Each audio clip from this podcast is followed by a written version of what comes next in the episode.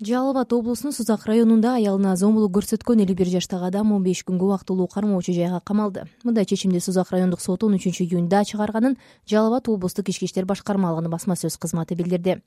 Он экинчи июнда социалдык тармактарда тараган видеодо эркек киши мойнуна эки дөңгөлөк байланган колу таңылган аялга башынан ылдый чакалап суу куюп бетине чаап жатканы көрсөтүлгөн. Ой аке чачпай аңып коюң тартып атам тартып атам мына кара мына карачы окуя боюнча кырк жети жаштагы аял милицияга арыз менен кайрылган.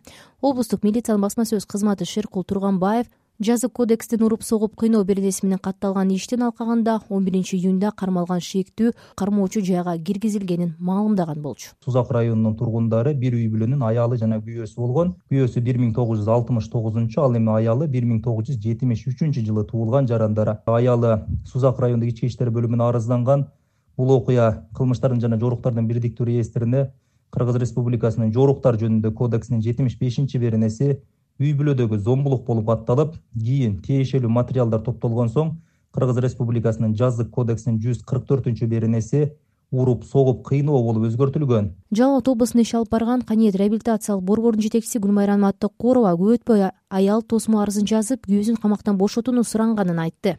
Арызымды кайтарып аламын мен үй бүлөмө киришпегиле мен жолдошумду түрмөгө олтуртууну каалабайм мени ортобузда балабыз бар деген сөздөр болуп ал эже таптакыр биз менен жолуккандан эме кылбады? Робудга кирдик ал жерде кызматкерлер менен иштедик сүйлөштүк.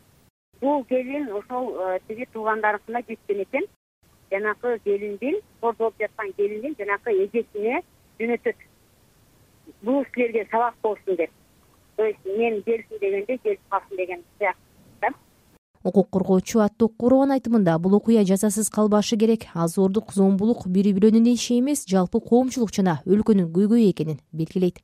Үй бүлөлүк зордук зомбулук бул интернетке чыккандан кийин бул бир гана ошол үй бүлөнүн ич арасындагы этот же үй бүлөнүн гана маселеси болуп калбайт да. Аны канча өспүрүм балдар көрдү? Аны мисалы биз көрүп кандай травма алдык биздин балдарыбыз көрүп кандай травма алды канчалык талкуу жаратты бул деген көпчүлүгүн мисалы кээ бирки адамдарга бул мындай мамиле кылса боло берет бекен деген эме ой болду. Ошондуктан биз каалайт элек ушундай соттук процесстерге бейөкмөт уюмдар да киргизсе встречный заявленияны негизи алып салыш керек да.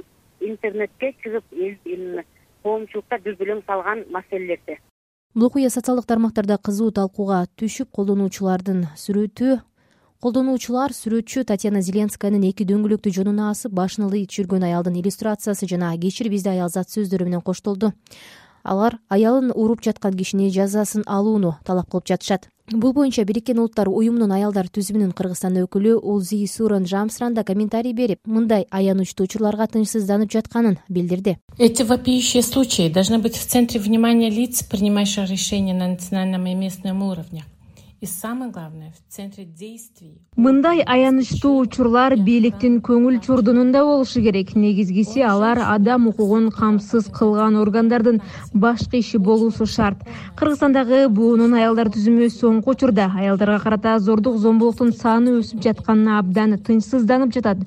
Биз баарыбыз бирге гендердик теңсиздик учурларынын кесепети менен гана эмес. Алардын алдын алуу үчүн бүт аракетибизди жумшашыбыз керек ошол эле учурда бишкектин свердлов райондук соту быйыл сегизинчи мартта жеңиш аянтында аялдардын шериктештик маршын уюштурууга аракет кылгандар боюнча ишти карап маршка чыккандарды он экинчи июнда күнөөлүү деп тапты. Ал күнү маршка чыккандардын бири бермет кудайбергенова өзүнө койгон айыптоолорду четке кагууда. В том что я не повиновалась властям законным требованиям точнее правоохранительных органов сотрудников правоохранительных органов в том что мени мыйзамдык эрежелерге баш ийген жок деп айыпташты расмий ушуну эле айтышты бирок көргөзмөлөр берилип жатканда мени ыплас сөздөр менен урушкан деп айтышты. Мен ал күнү аялдардын укугун коргоо маршына гана чыккам. Биздин милиция келгенге чейин жана ошол маалда эч кандай каршылык көрсөтпөгөнүбүз видеодо да көрүнүп турат. Мунун баары жалган. Реагировали на их просьбу успокоиться.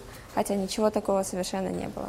Маршта камалгандардын дагы бири адвокат евгения крапивина соттун чечими боюнча буларды билдирди постановлении суда? Сот свердлов райондук ички иштер башкармалыгынын чечимин күчүндө калтырып бизди күнөөлүү деп тапты. Үч миң сом өлчөмүндө айып төлөөгө милдеттендирди. Бүгүн милиция марш мыйзамсыз экенин жана катышуучулар тарап кетиши керектигин эскерткени тууралуу видео далилин алып келди. Видеодо көрүнгөндөй биз ал жерде жөн эле турабыз. Мен жада калса калпак кийген белгисиз адамдар келген учурда башка жакты карап балдарымды издеп жатканым көрүнүп турат. Милиция кызматкери артымдан келип колумду кайрып алып кеткенин да көрүүгө болот. Сот аларды мыйзамдуу деп таап түздөн түз ишин аткарышканын билдирди. Биздин кайрылуубузду канааттандырган жок. Приходится. Крапивна соттун чечимине макул эместигин айтып он күндүн ичинде бишкек шаардык сотуна апелляция арызын жазаарын кошумчалады. Быйыл сегизинчи мартта бишкекте жеңиш аянтындагы митингден кийин милицияга жалпысынан он бир адам жеткирилген. Алардын алтоо кыз келиндер бешөө эркек болчу. Шаардык ички иштер башкармалыгынын басма сөз кызматы свердлов райондук милициясында аларга карата протокол түзүлгөнүн кармалгандар айып пул төлөөгө милдеттенилгенин жана сегизинчи марттагы митинг уруксатсыз уюштурулганын белгилеген. Аялдардын шериктештик маршы деген ураан менен акция өткөрүү пландалып жаткан учурда ал жерге бет кап калпак кийген белгисиз адамдар барып акцияны үзгүлтүккө учураткан. Укук коргоочулар эл аралык уюмдар зомбулукка каршы жүрүштүн катышуучуларынын кармалышын кескин айыпташкан болчу. Сезим кризистик борборунун жетекчиси бүбүсара рыскулова аялдардын зомбулугу боюнча жогорудагы эки ишке карата азаттыктын суроолоруна жооп берди. Сузактагы окуя боюнча милиция ошол э, аялын мыкаачылык менен уруп жаткан кишини кырк сегиз саатка камакка алган болчу. Бирок ушул аялы тосмок арызын жазып анын туугандары дагы анын камалышына каршы экенин билдирип жатканын бизге маалым болду. Бул учурда тергөө иши эми кандай жүрүшү керек? Сузак районунун милициялары дагы мындай тосмо арыз жазса дагы мындай жөн эле калтырбаш керек. Закон үй бүлөдөгү э, зордук зомбулукту жок деп койду да.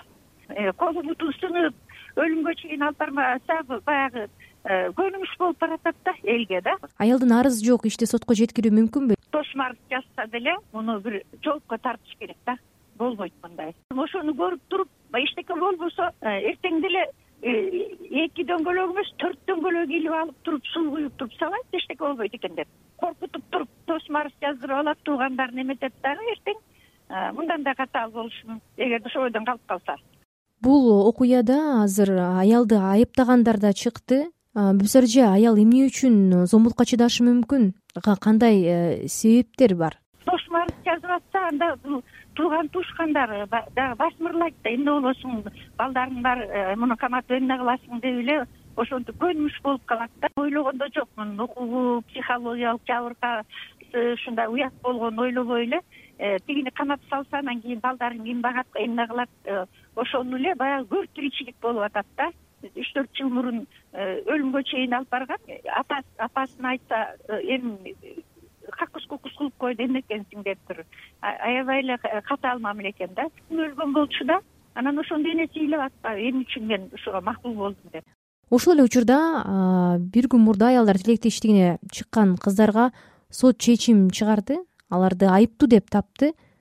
Бул эмнени түшүндүрүшү мүмкүн? э, э, мен да таң калып атам. Э, ошол кыздарды айыптаганы билбейм. Мындай мен деле таң калып калдым. Э, уруп атса э, э, жанагындай күч колдонуп атса милициялар жардам бербей карап турганда өздөрүн айыптап койгону ошол деле туура эмес дайыма эле ушундай видеолор чыкканда коомчулук аны сындап бирок баат эле унута түшөт. Эмнеге аялдардын зомбулугуна коом бийлик кайдыгер? Жазасыз калуу зомбулукту ого бетер күчөтүшү мүмкүн да болуп атат.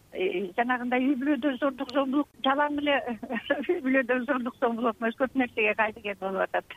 Бул э, экинчи план болуп калып атат да. Азыркы бүгүнкү күндө. Дагы законду мындай бир жумшартабыз деп туруп э, эме муну жорук деп койду. Былтыр ала эмедин сотунда ушинтип аягына чейин ошол э, мындай бир катаал мамиле болгон да. Ар жакта менин көзүмчө эле туруп эле айтып атат да. Эмне кыласыңар эмне кыласыңар? деп албайсыңар эчтеке кыла албайсыңар анан мындай кылып туруп муштумун түйүп коюп атпайбы бияктан чыгат жаза болуш керек мен айтып атпайм эгерде ушул бойдон эле тосмо арыз менен эле калып калса мындан да катаал мамиле болот боло берет турбайбы деп. Ички иштер министрлигинин маалыматында быйыл жыл башынан бери өлкөдө эки миң он тогуз үй бүлөлүк зомбулук фактысы катталган бул былтыркы жылга салыштырганда алтымыш беш пайызга арбан эки миң он тогузунчу жылы өлкөдө үй бүлөдөгү зомбулукка байланыштуу беш миңден ашуун факты катталган болчу айгерим акылбекова азаттык бишкек